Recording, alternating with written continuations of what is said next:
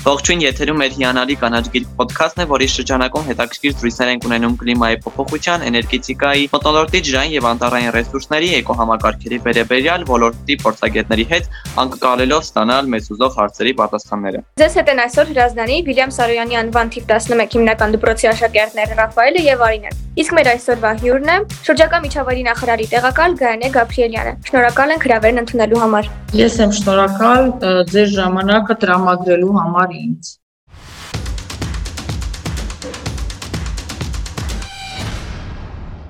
Կլիմայի փոփոխությունը կամ բնապահպանական խնդիրներն ավելի երկարաժամկետ հատվածում են սրվելու, արդյոք ներգրավում եք երիտասարդությանը ծրագրերի եւ քաղաքականությունների ձևավորման գործընթացում։ Ես կարծում եմ հարցը այդ փոքրինչ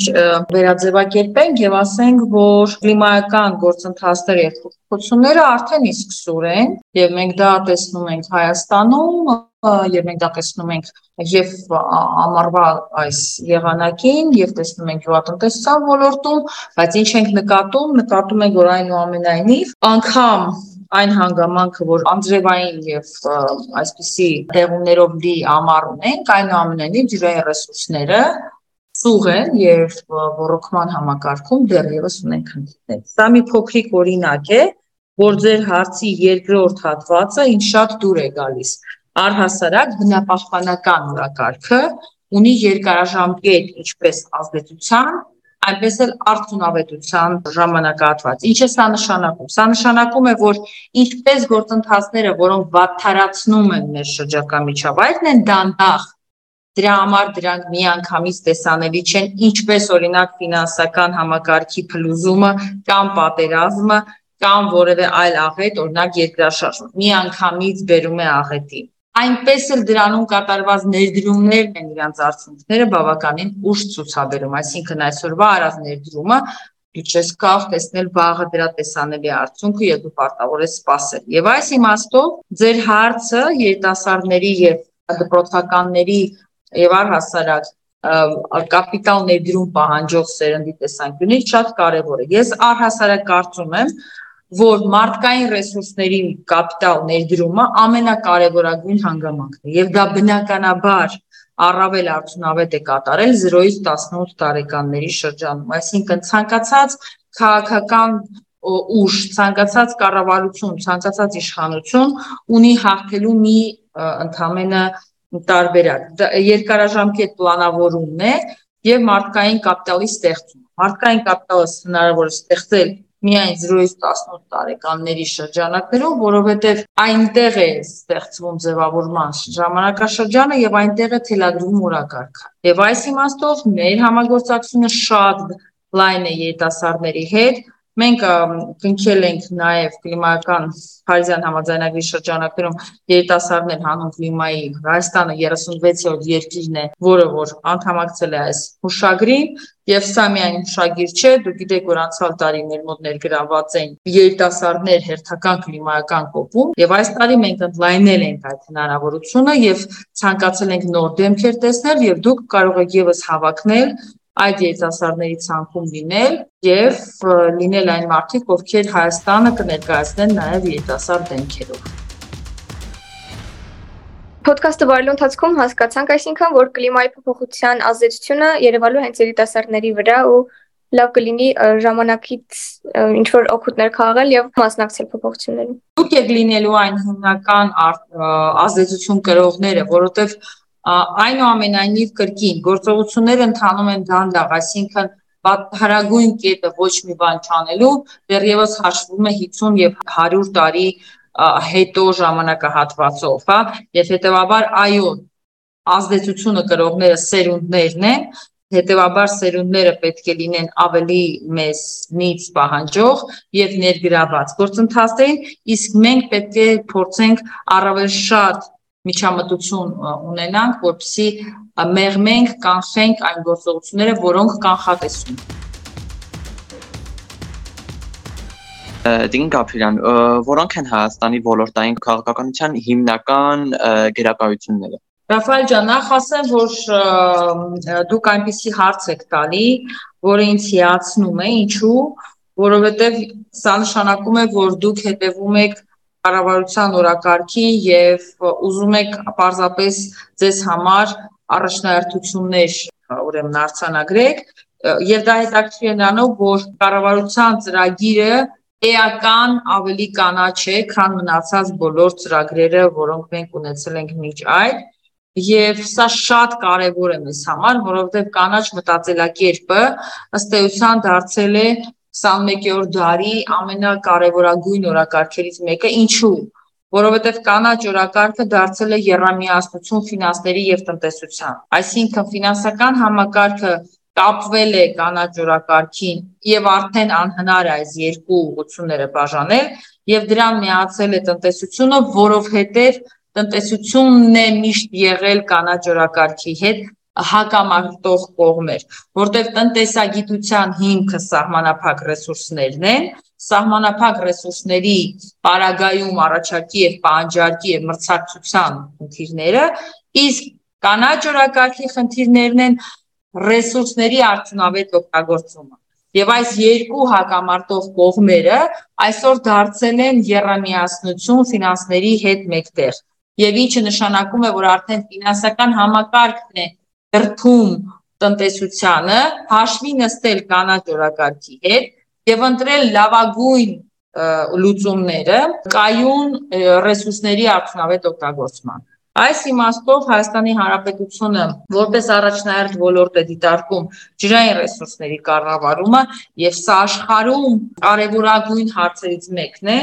աշխարհում տեղի ունեցող աշխարհքաղաքական փոփոխությունների մեծ մասը կախված է ջրային ռեսուրսների բաշխման եւ դասակարգման եւ ուրեմն բաժանման հետ այդ թվում Հայաստանում ընթացող գործողությունները եւ դրանով պայմանավորված բնականաբար երկրները փորձում են առաջնահերթություն դիտարկել ջրային ռեսուրսը, իսկ Հայաստանի համար սա կարևորագույն ոլորտներից մեկն է ունենք մտնորդային օթի հետ կապված լուրջ ուրեմն մարտահրավերներ եւ աշխարհում եւս դրանք արկա են եւ մտնորդային օթը եւս մեր համար առաջնահերթություններից է եւ դասական դասական իմաստով անտառ համակարգ անտառ վերականգնումը ըստ էության մեզ համար կարևորագույն առաջնահերթությունն է սակայն մենք չենք կարող նվաստացնել թափոնների կառավարման եւ քիմիական նյութերի ուրեմն դասակարգման ոլորտը։ Սրանք ըստ էության առհասարակ բնապահպանական բարբերաշրջանը եւ օրակարգը փող լրացնողը եւ մեկը մյուսի հետևից գնացող այսպես ասած օղակներ են եւ երբ որ դու սկսում ես զբաղվել մի ուղության խնդիրներով ակնհայտորեն ի հայտ են գալի մյուսը սակայն կառավարության համար կանաչ տնտեսությունը, կայուն համակարգը, կայուն զարգացման ծրագրերը, 17 թիրախները, որոնցում Հայաստանը շատ առաջ է գնացել կայուն զարգացման 6-րդ ծրագրով, որը հենց ջուրն է, 13-րդ ծրագրով, որը հենց կլիման է, դրան գումարվել է բնականաբար կայուն սննդի համակարգը, որը եւս անկախտելիորեն կախված է կլիմայի եւ ջրի հետ։ Սրանք դեռևս կարևորագույն այն ուղություններն են, որով կառավարությունը իդեմս նախարարության փորձում են անել լավագույն քայլերը սերունդների արժանի ժառանգություն փոխանցելու համար։ Շնորհակալ եմ շատ Տիկին Գաբրիելյան եւ անկեղծ ասած, որպես Հայաստանի Հանրապետության քաղաքացի շատ ուրախ եմ, որ հենց այս ոլորտը մեր երկրում առաջնային է եւ կարծում եմ, որ այն բոլոր մյուս ճյուղերն էլ, որոնք դեռ չի ստացվում անել կամ դեռ ամբողջությամբ զարգացած չեն, կարծում եմ լավ եւ մոտիվացված աշխատանքի դեպքում անպայման կստացվի։ Տիկին Գաբրիելյան, իսկ եւ հաշվի ենք առնում այն հանգամանքը, որ կլիմայի փոփոխությունը սահմաններ չունի։ Ինչ արտաքին քաղաքականություն է վարվում Ես այսպես կասեմ, Մարինա ջան, առհասարակ կլիմայական օրակարգը բնապահպանական, քաղաքական եւ սոցիալ-տնտեսական տարերից բաղկացած է եւ այսօր արդեն դժվար է ասել, թե ո՞րն է այսի մատնանշված տարերից ավելի գերակայում մյուսի նկատմամբ։ Նախ ասեմ, որ Հայաստանը շատ ակտիվ ինտեգրվել է Փարիզյան համաձայնագիրը ստորագրելուց հետո այս գործընթացների հետ, սակայն ել ավելի ակտիվ 2021 թվականի վերջից 22 թվականից մենք փորձել ենք Հայաստանի օրակարգը դարձնել հավակնոտ Դա կարողացել են կապացուցել անցյալ տարի Շարմ-էլ-Շեյխում 26-րդ կողմերի համաժողովին, որտեղ Հայաստանը ելույթ է ունեցել 10 օր գրեթե բոլոր ուղություններով, 10 օրակարգերից ընտրված են եղել 6-ը եւ 7-րդը ընթացքում նաև ավելացվել է օրակարգերը եւ իմիջիալոց երիտասարդությունը եւս այնտեղ էր։ Մենք անցյալ տարի ունեցել ենք նաև ազգային համակարգող գենդերային հարցերի շրջանակներում, որը երբեք միջև այս չենք ունեցել կլիմայական օրակարգում։ Մենք Հայաստանում առաջի անգամ իրականացրել ենք տարածաշրջանային համաժողով, որտեղ եղել են ներկա 47 երկրներ եւ շարունակել ենք այդ միտումը եւ կառավարությունը հստակ է իր արժեվ դրվել այն հանձնառությունը, որ պետք է Հայաստանը դառնա հյուրընկալող կողմ, իսկ կլիմայական գործընթացը այս մասով ամենահավակնոտն է եւ մենք բազում հանդիպումներ ենք նախատեսում Հայաստանում իրականացնել տարածաշրջանային եւ իրականացնում ենք Հայաստանը հավակնություն է հայտնել, սակայն դա բարդ գործընթաց է։ Կողմերի համաժողովը հերթական անգամ Հայաստանում հյուրընկալելու եւ արտաքին գործերի նախարարությունը եւ վարչապետի հովան ներքո մենք այսօր փորձում ենք այդ օրակարգը եւս դարձնել իրականություն։ Հայաստանը ըստ էության կարող է իր դիրքերը ամրապնդել կանաչ բոնդերի green bonds, հա, ֆինանսական համակարգում, կանաչ ֆինանսավորման ուղղությամբ հաշվի առնելով մեր բանկային համակարգի ճկունությունը ըստ էության այս ամենը նշանակում է մի բան։ Իդեմս կառավարության ղեկավարի ամբողջ կառավարությունը շատ ավելի ակտիվ է ներգրավված կլիմայական գործընթացում եւ տարածաշրջանում փորձում է ըստ էության դառնալ առաջատարը եւ այս առումով մենք ունենք շատ հետաքրքիր աշխարհագրական դիրք եւ տնտեսական Հայաստանը ըստ էության չեզոք է բանակցային որպես կողմ բոլոր երկրների նկատմամբ, որտեղ մենք չենք հանդիսանում որևէ տարբեր խմբերի անդամ եւ չունենք ինչ-որ շահեր որոնք որ պետք է առաջ մղվեն եւ մենք կարող ենք բոլոր կողմերի համար լինել այն չեզոք երկիրը, որը կարող է բանակցությունները ուրեմն ղեկավարել եւ լինել բանակցային ընթացքը ղեկավարող։ Սա շատ կարեւոր է։ Եվ հաջորդը Հայաստան այն երկիրն է, որը առավել խոցելի է կլիմայական փոփոխության արդյունքում, եւ մենք կարող ենք ցույց տալ, թե ինչքան կարեւոր է մարդու հասարակության, կառավարության, իշխանության եւ երկրի ամենաբարձր ղեկավար պաշտոնների ներկայությունը գործընթացներին եւ որքան տեսանելի արդյունքներ կարելի է ստանալ, եթե մենք այսօր սկսենք գործել ավելի ակտիվ եւ ավելի շատ ներդրումներ իրականացնել կլիմայական գործընթացները մեղմելու կամ հարմարվելու ուղղությամբ ըստ էության դառնում է այս մասով ոչ այդքանիական ամենակարևորը որ անգործությունն է որ մեզ համար ամենավատ ուրեմն բանն է այսօր։ Շնորհակալություն։ Ճիշտ հասկանում եմ, որ ավելին կարող եք ասել, բայց շնորհակալ ենք, որ թե փոքր հատվածում, բայց կարողացաք ընդհանուր պատկերացում տալ ինձ։ Տիկին Գաբրիելյան, իսկ արդյոք հասարակությունը որևէ ձևով խանգարում կամ օգնում է արդեն իսկ կազմված ծրագրերին եւ քաղաքականությանը եւ որպես ամփոփում երեք խորհուրդ մեզ դսող հասարակությանը։ Նախ ասեմ, որ հասարակությունը շրջակա միջավայրի գործընթացների ամենակարևոր օղակն է։ Եվ ըստ էության, որ ես ասում հասարակությունը, ես նկատի ունեմ հասարակության ամենալայն շերտերը։ Սած մանկահասակներից, մանկապատանեկան անգամ հասակից, երիտասարդներից դեռահասներ եւ մնացած բոլոր տարիքային եւ սեռատարիքային խմբերը։ Ինչու՞։ Որովհետեւ ըստ էության ցանկացած կառավարություն միտված է նվազ ֆինանսական միջոցներ ծախսել եւ ավելի շատ արդյունքներ ցույց տալ հրատապ, որպեսզի կարողանա հավակնել հաջորդ ընտրություններին դրական արդյունքի։ Բնապահպանական օրակայքը այդպեսին չէ։ Բնապահպանական ներդրումները հնգամյակում անհնար է յետ բերել եւ ցույց տալ հանրությանը քո կատարած աշխատանքը։ Բնապահպանական ներդրումները դպրոցի նման են։ Դուք պիտի ավարտեք 10 տարի գնաք համասարան, որպեսզի Երևան ձեր դպրոցի կրթությունը եւ ձեր դպրոցի թողնված ազդեցությունը։ Սակայն կառավարությունը գործում է հնգամյա ժամկետում եւ պետք է կարողանա հանրությանը հաշվետու լինել կատարածի համար։ Եվ սա մեծ հանձնառություն է պահանջում, մեծ կամք է պահանջում յուրաքանչյուր կառավարությունից, որ հանձն առնի, որ մենք սկսում ենք այսպիսի ռեֆորմներ եւ 10 տարի հետո դուք կտեսնեք արդյունքները մեզ հետ կամ առանց մեզ, բայց մենք դա անում ենք սերունդների համար։ Եվ այս հարցում հասարակության բոլոր շերտերի պահանջկոտությունը, ներգրավվածությունը, աջակցությունը շատ կարևոր է, որովհետև օրինակ շրջակա միջավայրի նախարարությունը կառավարության բոլոր մնացած մասնակիցներից ամենա խոցելի վիճակում է ինչու որովհետև լինելով կառավարության անդամ եւ հավակնելով եւս հնայի աճի, տնտեսական աճի եւ մնացած բոլոր ցուցանիշների բարելավման, այնուամենայնիվ հիշում եք սկզբում ասացի, շրջակա միջավայրի նախարարության դերը ըստ էության կանխել ռեսուրսների ան արդյունավետ օգտագործումը Իսկ տնտեսությունը այսօր եւ միշտ ուզելու է ավելի շատ ռեսուրսներ, որպեսզի կարողանա ցույց տալ շուտ արդյունքներ։ Իսկ ինչ է անում այսօր շրջակա միջավայրը, փորձում է ըստ էության ստեղծել այնպիսի գործիքակազմ, ֆինանսական, տնտեսական, բնապահպանական, առողջապահական, որպեսզի կայուն զարգացումով դա գնա։ Դրանք թանկ գործիքներ են, կանաչ գնումներ, կանաչ ներդրումներ, արդեն ասացի կանաչ ֆինանսական գործիքներ։ Դրանք ի սկզբանե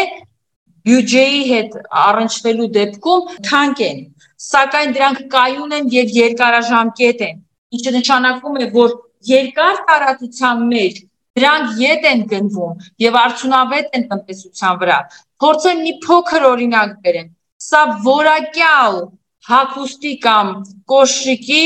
եւ մատչելի ոչ այդքան որակյալի նման օրինակ իրավիճակ է։ Այսինքն, դուք այսօր կարող եք մեկ անգամ շատ ավելի շատ վճարել, ունենալ ավելի որակյալ, օրինակ, կոչիկ, որը կարող եք հագնել 3 տարի, բայց դուք նախընտրում եք այսօր ավելի փոքր գումար վճարել, ունենալ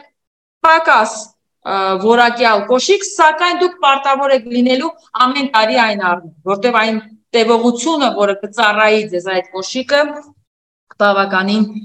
կարճ կլինի։ Այս սա ըստեյության շատ պրիմիտիվ օրինակ էր, որը որ ես ուզում եմ ձեզ ցույց տալ կանաչ ներդրումների մասով։ Դրանք երկարաժամկետ են, դրանք միտված են հերա հեռահար տարածությունների համար, դրանք հա, պահանջում են համբերություն, այսինքն այսօր ներդնելով դու արդյունքը կտեսնես շատ ուշ։ Իսկ հասարակությունը պետք է պահանջի ցանկացած կառավարություններից ցանկացած պարագայում մաքուր միջավայր, մաքուր ջուր եւ օդ, սակայն պատրաստ լինելով վճարել դրա համար կապիտալիստական շուկայական տնտեսության հարաբերություններում, որովհետեւ մեր